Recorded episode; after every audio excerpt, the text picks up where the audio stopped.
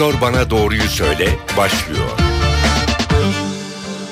Merhaba NTV Radyo stüdyolarında Doktor Bana Doğruyu Söyle programıyla karşınızdayız. Ben Öykü Özdoğan. Herkese iyi günler, iyi haftalar dileriz. Bugün Ramazan'da doğru yanlış beslenme üzerine sohbet edeceğiz.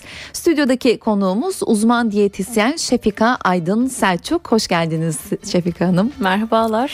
Kendisiyle Ramazan'da yapılan beslenme hatalarını konuşacağız. Oruçluyken neleri nasıl tüketmemiz gerektiğini soracağız. Siz dinleyicilerimizden de sorular alacağız. Sorularınız için 0212 335 47 20 tekrar edelim 0212 335 47 20 nolu telefonu arayarak Ramazan'da beslenme ile ilgili sorularınızı uzman diyetisyen Şefika Aydın Selçuk'a iletebilirsiniz.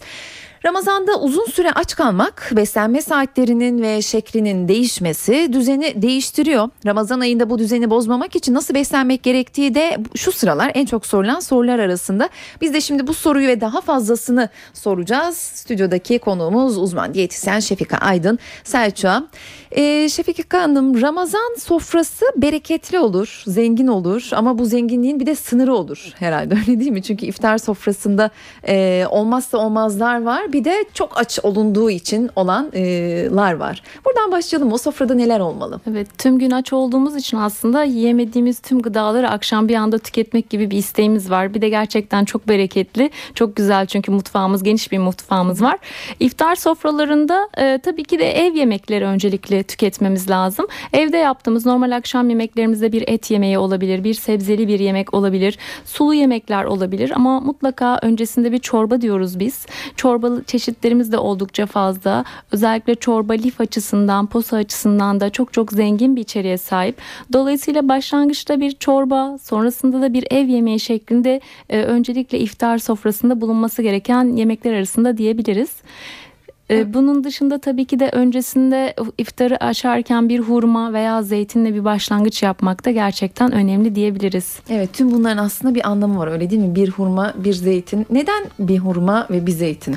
Özellikle bütün gün aç e, kalıyoruz ve midemizin pH'i oldukça e, düşüyor. Dolayısıyla bu pH'i dengelemek açısından ve sindirime geçişte kolaylık açısından suyla beraber tuz içeriğinde o tuz e, özellikle zeytin tuz barındırıyor içerisinde. Hı hı. Sodyum. Hurmada da çok zengin bir içeriğe sahip birçok mineral var. Bunları aldığımız zaman midemizi birazcık daha hazım açısından kolaylaştırmış oluyoruz. Aynı zamanda lif almış oluyoruz ve suyla beraber küçük küçük bir başlangıç şart. E, doğru seçimler diyebiliriz. Evet çorbadan da bahsettiniz. Çorba da gerçekten iftar sofrasının ve belki de sahurun e, olmazsa olmazlarından. Olmazı, evet. Peki bu sıcak havalarda yaz günlerinde sıcak çorba içmek de biraz e, soğuk çorbayı da düşündürüyor insana. Soğuk çorbalar da tercih edilebilir. Özellikle soğuk ayran çorbaları yarma ve buğday kullanılarak hazırlanabilir. Ama ben çorbayı özellikle az içmelerini tavsiye ediyorum e, dinleyicilerimizin de. Çünkü çorba çok çok fazla e, uzun süre açlıktan sonra bir kase çorba e, biraz tıkayabiliyor sizi e, ve az içip bir süre beklemek en iyisi. Biz çünkü çorba sonrasında 15-20 dakikada bekleme e, bir süre zarfında beklemelerini istiyoruz. Hı hı. Sindirimi daha iyi e, tutmak için. Tokluk e, hormonunun en azından beynimize biraz iletilmesi için ve çok fazla hızlı bir şekilde tüketmemek adına. Peki ben telefon numaralarımızı hatırlatmak istiyorum. 0212 335 47 20. Tekrar edeyim 0212 335 47 20 nolu telefondan bize ulaşıp stüdyodaki konuğumuz uzman diyetisyen Şefika Aydın Selçuk'a Ramazan'da beslenme ile ilgili sorularınızı ve sorunlarınızı iletebilirsiniz. E, neler yemeliyiz neler yememeliyiz de devam edeceğiz ama e, kimler oruç tutmamalı? Oradan başlayalım mı? Evet e, özellikle gebeler emziren anneler doktor kontrolünde mutlaka tutmamaları öneriliyor. E, hamileler özellikle. Bunun dışında e, ağır spor yapan kişiler ve bir takım kronik hastalığı olan kişiler özellikle ileri derecede böbrek yetmezlikleri olan böbrek hastaları, şeker hastaları başlangıçta insüline bağımlı olan şeker hastalarının oruç tutması sakıncalı. Yine çocuklar özellikle büyüme çağındaki çocukların da bu uzun süre açlığı çok e, doğru e, bulmuyoruz. E, uzun süre açlık konusunda uyarı uyarıcı durumlar var diyebiliriz. Ee, peki şunu merak ediyorum. Ee, tamam Ramazan sofraları bereketli oluyor ama e, bazı gıdalarda özellikle tok tutan bazı yiyecekler var ve bazı Hı. insanlar daha çok acıkıyor. Bu da bir gerçek. O tok tutan yiyecekler nelerdir ve nasıl tüketilmeli? Biraz bundan bahseder misiniz? Evet, tok tutan yiyecekleri biz özellikle sahurda çok öneriyoruz. E, çünkü uzun bir açlık olacak. Sahurda neler bizi daha tok tutar? İyi kalite proteinli besinler bizi tok tok tutacaktır. Bu iyi kalite proteinleri de biz hayvansal gıdalı proteinler olarak başlangıçta yumurta olarak dile getirebiliriz. Yumurtanın dışında yumurta en iyi kalite proteindir ve muhakkak çok çok tok tutucu özelliğe sahiptir. İçerisinde elzem yağ asitleri var ve aynı zamanda çok e, iyi demir e, içeriğine sahip. Bunun dışında peynir e, ve yoğurt diyoruz biz. Tok tutacak ikinci proteinli gıdalar. Yoğurt özellikle öneriyoruz. Çünkü yoğurt aynı zamanda bağırsak mikroflora arasında dengeler ve uzun süre açlığın dışında özellikle şikayetler arasında bir reflü, gastrit ve kabızlık şikayetleri vardır. Sahurda yoğurt hem tok tutacak hem bu bu açıdan da faydalı olacaktır. Bunun dışında ben e, savurda aynı zamanda yulaf ezmesi öneriyorum. Hı hı. Yoğurt ve yulaf ezmesi gerçekten e, bir elma ile karışıp 10-15 e, adet fındıkla birlikte de uzun süre tokluk hissi yaratacaktır. Yine sahurda fındık demişken yağlı tohumlar diyoruz kuru yemişlerden ama kavrulmamış olanları fındık, badem, ceviz gibi ölçüyü çok aşmayacak şekilde diyelim hı hı. ama alınabilir. Ve en çok tok tutan gıdalar sebzelerdir ve meyvelerdir. Çünkü lif içeriğine sahiptir. Fakat bir karpuz kavun değil. Bundan ziyade elma, şeftali, hı hı. mürdümeri gibi, armut gibi besinler yani meyveler daha uzun süre tok tutucu özelliğe sahip. Özellikle daha düşük glisemik indekste oldukları için ve hem sahurda hem iftarda tokluk için muhakkak sebze ve salata diyoruz. Salataları da özellikle bir kaşık zeytinyağı diyoruz bir e, emilimini artırmak adına.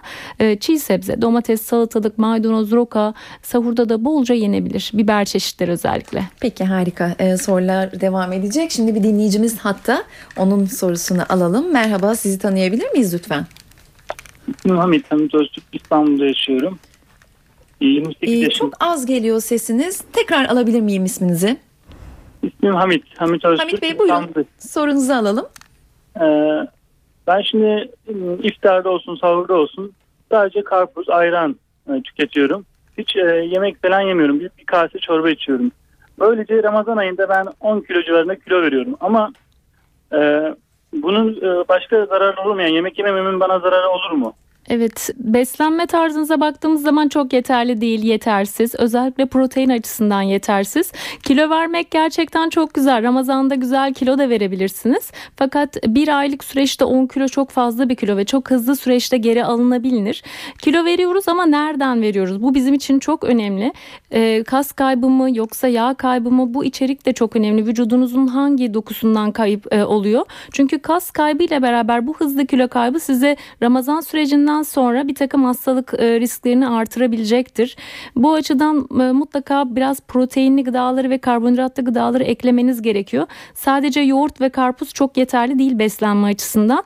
E, biraz bunu çeşitlendirmenizi tavsiye ediyorum öncelikle. Peki yağ kaybını nasıl yapabilirim? Yani yağ, yağ yağdan kaybederim.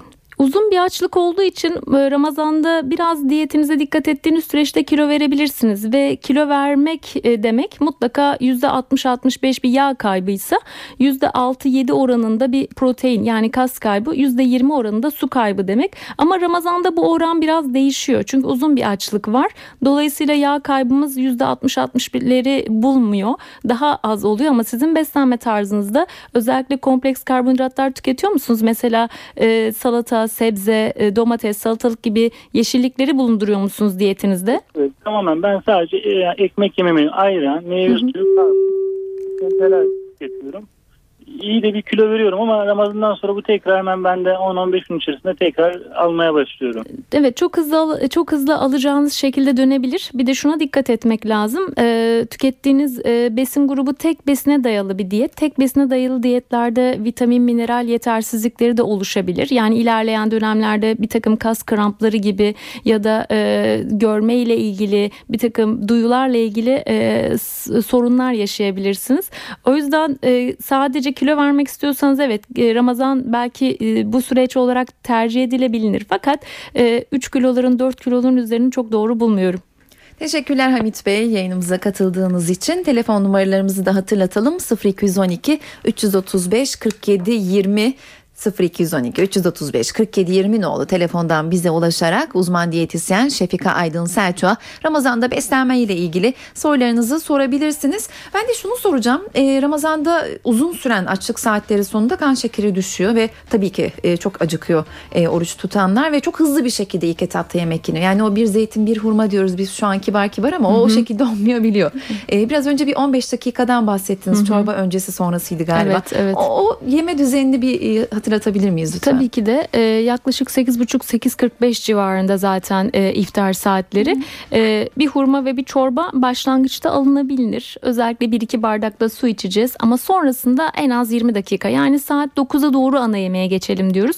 Aslında e, birçok e, profesör ve uzmanlarımız bu konuda yarım saati muhakkak e, hastalarınıza söyleyin beklesinler diye uyarırlar bizi hep ama en azından 15-20 dakika diye birazcık daha yumuşak bir geçiş bizim için önemli. 9 gibi de ana yemeğe geçelim istiyoruz biz. Bu gerçekten sindirimi kolaylaştırıyor. Ee, aynı zamanda e, mide e, hassasiyeti açısından çok önemli. Çünkü biz Ramazan'da en çok e, mide şikayetlerinin arttığını görüyoruz. Gastrit ve reflü gibi ve tokluk hissini yakalayamıyorlar.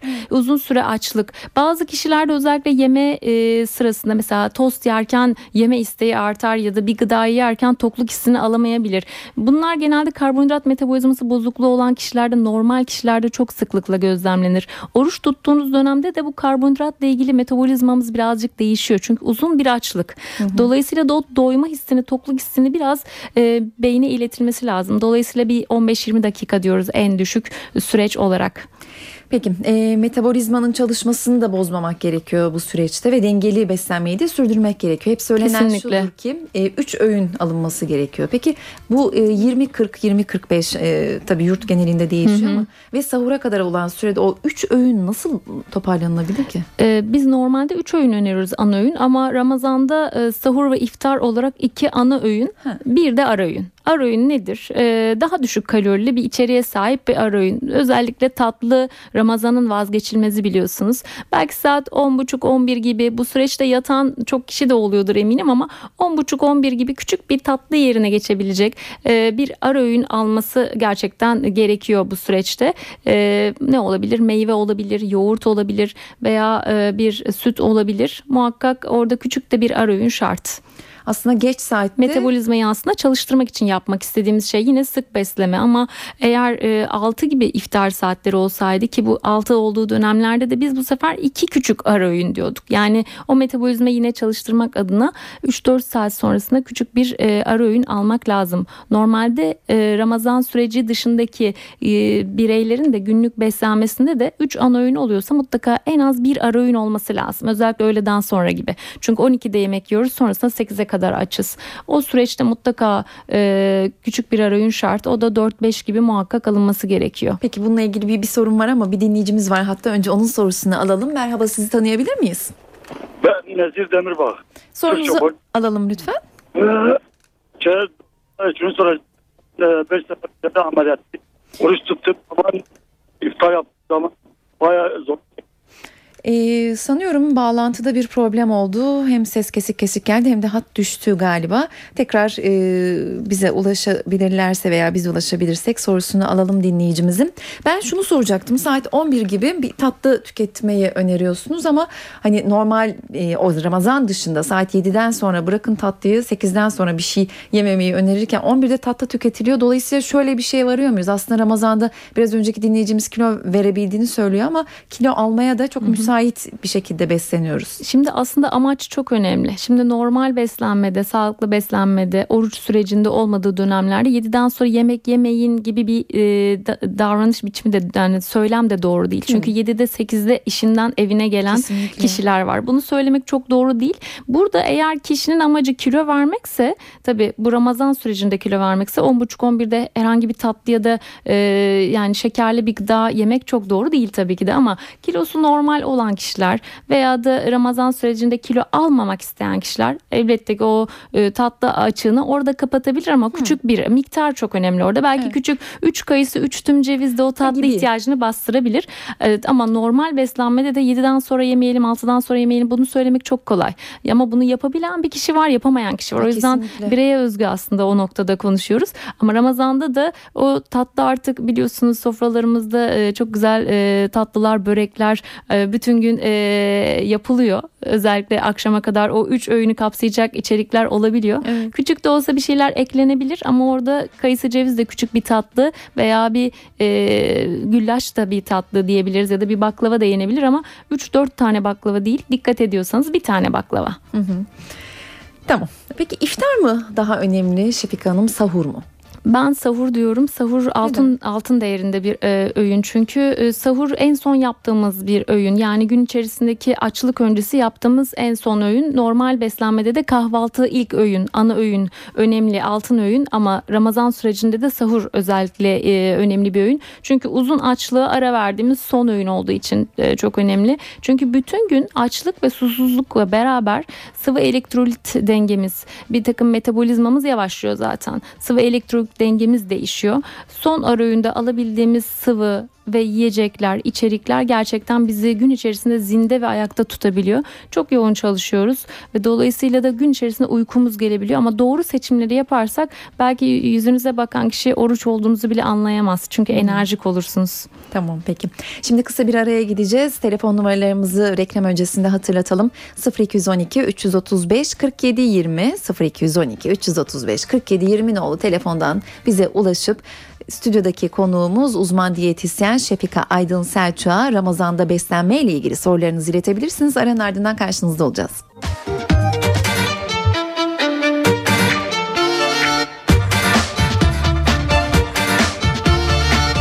Doktor bana doğruyu söyle devam edecek. Doktor Bana Doğruyu Söyle programıyla yeniden karşınızdayız. Ben Öykü Özdoğan, stüdyo konuğumuz uzman diyetisyen Şefika Aydın Selçuk'la beraber Ramazan'da beslenme üzerine sohbet ediyoruz. Sizlerin de sorularını cevaplandırmaya çalışıyoruz. Sorularınız için 0212 335 47 20 nolu telefonu arayabilirsiniz. E, dinleyicilerimizden önce benim e, sorularım olacak. E, Ramazan ayı sıcak günlere e, denk geldiği için sıvı kaybı da olandan daha fazla tabii. Sıvı tüketimi e, iftarla birlikte sahura kadar nasıl olmalı? Sıvı tüketimi özellikle iftardan yatana kadar 1-1,5 litre kadar yani 6-8 bardak kadar olmalı. Ee, sahurda da en az 3 bardak 600 mililitre kadar e, su öneriyorum. Çünkü yaklaşık bir erkeğin sıvı ihtiyacı 3-3,5 litre kadınlarda da 2,5 litredir sıvı ihtiyacı. Sıvıyı biz çorbadan da alıyoruz sebzelerden meyvelerden de alıyoruz ama saf su özellikle önemlidir. Ee, vücut ısı değişimi için çok önemli metabolizma için çok önemli ve e, gün içerisinde tansiyon düşüklükleri, baş ağrısı Ramazan sürecinde çok olur. Bu kişileri iyi dinlediğiniz zaman sıvı alımının gerçekten düşük olduğunu anlarsınız. Ee, o açıdan bu baş ağrısının yaşanmaması için sıvı elektrolit dengesi için en az 2-2,5 litre su. Bunun yattığımız sürece kadar iftardan yatana kadar 1-1,5 litre ve sahurda da en az 600 mililitre olması gerekiyor. Peki e, susamamak için e, yani sıvı ihtiyacını sıvı tüketerek gideriyoruz ama Evet. e, susamamak için yenilebilecek bir şeyler var mı sahurda? Aslında yenilemeyecek, yenilmemesi gereken şeyler var. Ya Mesela e, sahurda örneğin tuzlu peynir önermiyorum. E, daha çok su sattığı için. Bunun dışında şarküteri ürünler, salam, sosis, pastırma, sucuk bunları özellikle sahurda soframızda bulundurmamak lazım. Sahurda özellikle böyle peynir gibi, yumurta gibi besinleri söylememizin sebebi ev yemekleri olmamasının sebebi bir taraftan da tuzdan dolayı. Çünkü yaptığımız ev yemekleri çorba, makarna, akşam yaptığımız bir çorbayı gece sahurda öncelikli olarak tercih etmek bizi daha çok susatacaktır. Çünkü ev yemeklerinin içerisine tuz koyuyoruz. Mümkün olduğunca sahurda tuzu azaltmak lazım. Ee, bunun dışında özellikle tercih edeceğimiz hani besinler sıvı içeriği yüksek besinler. Gün içerisindeki sıvı açığını kapatmak adına ama susatmaması için de e, az önceki bahsettiğimiz e, çok pişirilmemiş, çok rafine edilmemiş yemekler. Yani daha sade bir kahvaltı gibi öğün daha önemli diyebiliriz. Şarküterileri azalt azaltalım. Tuzlu gıdaları azaltalım. Salçalı içerik, salçalı yemekler, soslar bunlar olmasın. Yine baharatlara dikkat edelim sahurda. Çünkü çok baharatlı yemek. Mesela bir yumurta yaptınız ama üzerine çok pul biber koydunuz. Bu sizi gün içerisinde daha şey susuz hissettirecektir. Bunları baharatları çok önermiyorum. Bu kadar diyebiliriz. Tamam bir dinleyicimiz var hatta onun da sorusunu alalım. Merhaba sizi tanıyabilir miyiz? Ben Emlak Bayan. Ben de tansiyon hastalığı var. Oruç mani olur mu? Tansiyon hastası Tansiyon. olduğunu söyledi. Tansiyon hastalarının oruç tutmasında sakıncalı durumlar var. Bu konuda doktorunuz size çok daha net bilgi verecektir. Çünkü e, hipertansiyonunuzun hani e, özellikle e, düzeyi nedir? Doktorunuzun verdiği ilaçlar nelerdir? E, ilaçların hangi saatlerde alınması lazım? Bu açıdan en iyi e, cevabı, en doğru cevabı doktorunuz verecektir. Ama tansiyon hastalığı için özellikle önermiyorum diyebilirim. Çünkü uzun açlık ve susuzluk tansiyonunuzu daha çok düşürecektir. Halsiz bırak ondan mı acaba? Halsizlik de yaratacak elbette ki. E, aynı zamanda dolaşımla ilgili de bozukluklar yaratabilir. E, bu açıdan e, önermiyoruz e, tansiyon hastalarının oruç tutmasını. Teşekkür ederiz yayınımıza katıldığınız için. Ramazan'da bir de bir pide gerçeği var gerçekten o sıcak pideye o tereyağını sürmemek e, çok zor kontrol edilecek bir şey. Bu e, iftar sahur e, arasında en az ya pide tüketimini nasıl kontrol etmek lazım? Pide yenebilir. Hı hı. E, pideyi ne kadar yediğiniz önemli aslında. İftar saatinde pide tüketebilirsiniz ama sahurda asla önermiyorum. Çünkü pide glisemik indeksi düşük e, değil yani yüksek. Daha hızlı acıktıran bir besin, bir ekmek tür türü. Dolayısıyla da kompleks bir karbonhidrat içermiyor. E, özellikle sıcak tüketilmemesini öneriyorum. Yani e, direkt e, özellikle fırıncılara soruyorum. E, pide için en son saatler bekleniyor diyor. Öyle soğuk pideler pek verilmiyor. Tam tersi daha soğuk pide tüketmelerini mutlaka tavsiye ediyorum. E, dinleyicilerimizin tükettiği porsiyon önemli. Eğer kilo sorunu yoksa tabii ki bir pidenin 8'de bir ölçüsü tüketilebilir ama biraz kilo sorunumuz varsa avuç içi büyüklüğü pideyi aşmayalım ve muhakkak iftarda tüketelim diyorum. İftarda çorbanızla veya et yemeğinizle sebze yemeğinizle tüketebilirsiniz. E, ama sahurda mutlaka tam buğday ekmeği veya çavdar ekmeği ki bizi daha uzun süre tok tutsun, daha lifli olsun diye. Yine söyleyelim ekmekleri ısıtmayalım, sıcak tüketmeyelim. Daha soğuk, mümkünse daha bayata dönük ekmekleriniz varsa bunları bile tüketebilirsiniz. Bayata dönük ekmekleri bile tüketmeyi evet. öneriyorsunuz. Peki e, Ramazan'da ilk günleriyle ilerleyen günleri arasında e, beslenme açısından da bir takım değişiklikler oluyordur mutlaka. Olmalı mı veya zaten e, bir takım değişiklikler yapmak gerekiyor mu? Bir de e, biraz önce tansiyon hastası olduğunu söyleyen dinleyicimizden yola çıkalım. Gerçi programın başında kimler oruç tutmamalı diye konuştuk ama e, rahatsızlığı olup da tutmak isteyen kişiler tamam uzmanına danışarak, doktoruna evet. danışarak tutmak istiyorlar. E, onlar için de bazı önerilerde bulunabilir miyiz? Önce beslenme düzeni değişmeli mi? Oradan başlayalım isterseniz. E, Ramazan'da iftar e, ilk 3 e, gün yaklaşık en fazla 5 gün e, özellikle konstipasyon, kabızlık dediğimiz şikayetler, mide ağrısı, gastrit reflü gibi şikayetler oluyor. Özellikle susuzluğa bağlı olarak da baş ağrısı çok oluyor. Ama bu 3-5 günden sonra hem sindirim şikayetleri hem mide şikayetleri e, ya da ağrı işte gibi durumlar gittikçe azalmaya başlıyor. Yani ikinci haftadan sonra falan çok daha rahat tutulabiliyor. Hatta e, hastalar şu anda Şefika Hanım çok e, tokum kendimi çok tok hissediyorum hiç acıkmıyorum gibi durumlar e, yaşıyor. Fakat eğer siz e, klimalı ortamlarda çalışıyorsanız bunlar daha rahat ama e, çok e, terliyorsanız gün içerisinde yaptığınız iş e, çok e, fiziksel aktivite gerektiren işlerse bu gerçekten çok daha zor bir süreç. Bu kişiler tabii daha ağır olarak daha süreci daha e, sıkıntılı olarak şikayetleri devam edecek şekilde e, veya tansiyonu düşebilir. Bu şikayetlerle devam edebilir e, ve Ramazan'ı bu şekilde e, rahatsızlıklar geçirebilir. Mümkün olduğunca e, şikayetler devam ediyorsa bir hafta sonrasında mutlaka doktora danışalım diyoruz. Şimdi e, bazı hastalarımızda özellikle diyabet hastalarında ciddi sakıncaları var oruç tutmanın ama diyabet hastası dışında sadece bozulmuş bir şeker düzeyi var ya da biraz tansiyon düşüklüğü var çok ciddi şikayetleri yok bir ilaç takviyesi almasına gerek yoksa doktorun orderı eğer doktor da biraz izleyelim bir sıkıntı yok diyorsa tabii ki de oruç tutmalarında biraz izliyoruz. 3 gün 5 gün bir hafta. Eğer kendilerini çok kötü hissetmiyorlarsa ve dediğimiz e, önerilere de dikkat ediyorlarsa çok büyük şikayetler almıyoruz. Peki telefon numaralarımızı bir kez daha hatırlatalım. 0212 335 47 20 0212 335 47 20 nolu telefondan bize ulaşıp uzman diyetisyen Şefik Aydın Selçuk'a Ramazan'da beslenme ile ilgili sorularınızı sorabilirsiniz. Şunu sormak istiyorum. E, metabolizma çok yavaşladığı için fiziksel aktivite Ramazan'da çok daha e, önem kazanıyor. Ama tabii bütün gün e, aç olan birisi hem sıvı kaybına da neden olacak bu fiziksel aktivite. O egzersizi, sporu Ramazan içinde nasıl uygulamalı oruç tutanlar? Oruç tutanların e, e, fiziksel aktivite yapacağı saat iftardan sonraki e, saatler. İlk tercihimiz bu. Saat 10.30, 10.45, 11.30 o civar arasında e, spor yapmaya alışmış kişiler özellikle spor ihtiyacı duyan aslında hepimiz duyuyoruz ama alışmış kişiler bu Ramazan sürecinde bunu muhakkak yine de e, devam ettirmek istiyor. Özellikle iftardan e, bir buçuk saat sonra iki saat sonrasında öneriyoruz. E, fakat e, bir de sahur yaptıktan sonra e, saat e, 6-7 arası çok terlemeyecekleri şiddetlerde ve e, özellikle süreci çok artırmadan 35-40-45 dakika süresince orta tempo bir yürüyüş olabilir, bir yüzme olabilir. Bu egzersizde tabii ki de günün erken saatlerinde olacaksa yapabilir. Ee, biraz önce iftarla sahur arasında ufak porsiyon bir tatlı ki bu üç kayısı üç ceviz bile olabilir demiştiniz. İftardan kısa bir süre sonra da aslında acıkılıyor belki de psikolojik olarak bilemiyorum ama e, tatlı dışında bu, bunun nedeni nedir bir defa iftardan sonra hemen acıkmanın ve e, tatlı dışında başka bir şeyle geçiştirmek sahura kadar o ara dönem için ne öneriyorsunuz? Özellikle uzun süre aç kaldığımız zaman ve protein yeterli bir beslenme olmadığı zaman e, bu açlık duygumuz daha çok artıyor. Yani uzun açlık var ve proteinli bir gıda almıyoruz. Eğer iftar saatinde peynir gibi, yoğurt gibi, köfte, tavuk, balık gibi proteinli gıdaları yeteri ölçülerde alırsak iftardan sonra tatlı isteğimiz daha çok azalır.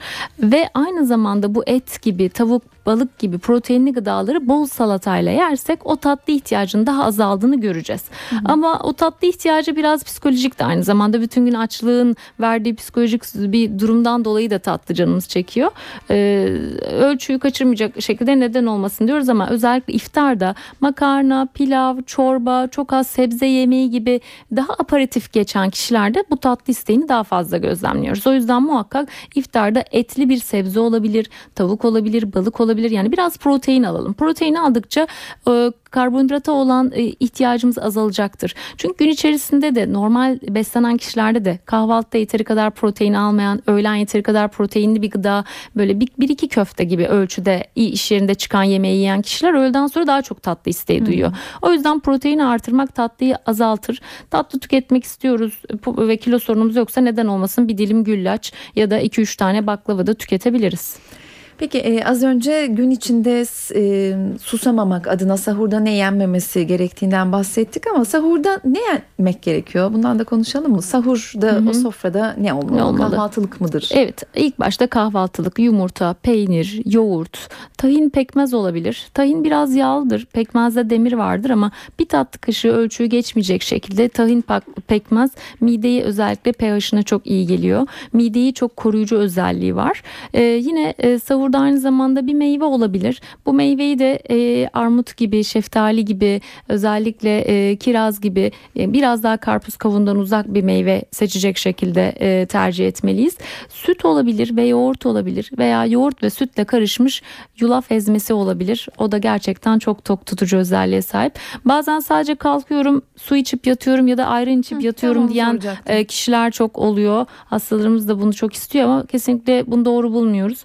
Az önce de bahsettiğim gibi en önemli öğün sahur. Dolayısıyla muhakkak kalkıp proteinli gıdalar yiyelim. Yani bu bizim e, akşam kalan evde kalan yemeği yiyeceğimiz e, anlamını ifade etmiyor. Bunlar daha çok susatacak.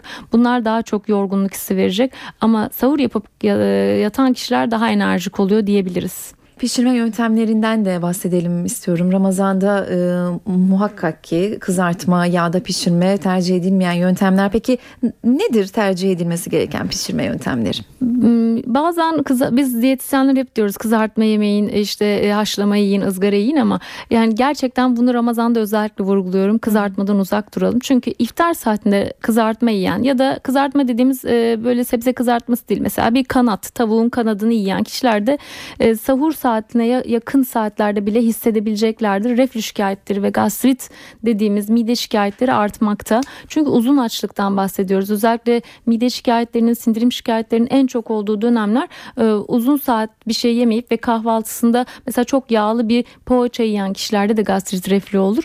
Dolayısıyla da e, muhakkak kızartmadan uzak duralım. Ama ev yemekleri, etli sebze yemekleri, türlüler olabilir. Artık kızartmayı daha farklı e, pişirme yöntemlerini uygulayarak kızartma gibi yapabiliyorsunuz. Hani bir takım e, cihazlar çıktı çok az yağ koyup kızarmış gibi ya da fırına verebilirsiniz direkt. Sebzelerinizi biraz çok az bir iki kaşık yemek kaşığıyla karıştırıp fırınlayıp daha sonrasında üzerine yoğurt koyabilirsiniz. Yine aynen kızartma gibi olacaktır. Peki e, son olarak programın sürenin sonuna gelmek üzereyiz. Şunu sormak istiyorum. Az önce arayan dinleyicimiz yanlış hatırlamıyorsam 10 kilo kadar verebildiğini söylemişti Ramazan boyunca evet. bir ay boyunca. Bundan pek hoşlanmadık aslında galiba. Evet 10 kilo, 10 kilo çok kilo. olduğu için ama kilo verilebilir Ramazan'da. Ondan biraz bahsedelim mi? E, program öncesindeki sohbetimizde e, aksine bunun yanlış olmadığını söylemiştiniz. Ramazan Hı-hı. boyunca kilo vermek isteyenlere neler önerirsiniz? Kilo vermek isteyenlere az önce bahsettiğimiz kahvaltı ve iftar alternatiflerini tabii ki de yapmalarını öneriyorum öneriyoruz ama ölçüye dikkat edeceğiz sadece. Kişiye göre tabii ki de değişiyor. Bireye göre değişiyor yapacağı kalori içerik. Ee, ama Ramazan mutlaka kilo vermesi için tercih edilecek bir zaman mı? Eğer verme sürecindeyseniz mesela örneğin Mayıs ayında diyete başlayan bir hasta Ağustos'ta belki daha 10. kilosuna geliyoruz ve şu süreçte Temmuz'da ne yapacağız? O 3 kilo daha vermesi gereken bir aysa bunu Ramazan'da oruç tutarak da tabii ki de verebilir. Ee, ama dengelemek lazım. Yani ölçüyü kaçırmamak lazım. Ne önerebilirim? Tatlıyı her gün değil. İftardan sonra bir tatlı öneriyoruz belki ama her gün değil haftada iki gün yapsınlar. Sıvı alımına özellikle dikkat etsinler ve fiziksel aktivite konusunda muhakkak ve muhakkak kilo vermek istiyorsa iftarını yaptıktan yaklaşık bir buçuk iki saat sonrasında en az 45 dakika egzersiz öneriyoruz. Orta tempo bir yürüyüş bile yeterlidir. Peki. Süremizin sonuna geldik. Ee, daha benim soracaklarım var aslında ama maalesef e, süre nedeniyle ben size daha sonra bunları sormak durumundayım. E, Doktor Bana Doğruyu Söyle programında bu pazartesi günde sonuna geldik. Stüdyo konuğumuz uzman diyetisyen Şefik Aydın Selçuk'tu. Kendisiyle Ramazan'da beslenme soruları, sorunları üzerine sohbet ettik. 40 dakika boyunca. Çok teşekkürler programımıza katıldığınız için. Ben teşekkür ederim davet ettiğiniz için. E, hatırlatalım her pazartesi saat 12.10'da NTV Radyo stüdyolarında sağlık programımız Doktor Bana Doğruyu Söyle ile e, sizlerle oluyoruz. Sağlık sorunlarını değil sadece hasta ve sağlık çalışanlarının haklarını e, ve sorunlarını da konuşmak istiyoruz. Özellikle konuşulmasını arzu ettiğiniz konular varsa da bizlerle paylaşmanızı rica edeceğiz. E-mail adresimiz info@ntvradio.com.tr adresine şu konuyu konuşmanızı e, arzu ederiz şeklindeki e-mail maillerinizi gönderirseniz seviniriz. Programımızı kapatırken sağlık sektöründe öne çıkan birkaç gelişmeyi paylaşacağız. Önümüzdeki hafta farklı bir konu ve konukla sizlerle olacağız. Hoşçakalın.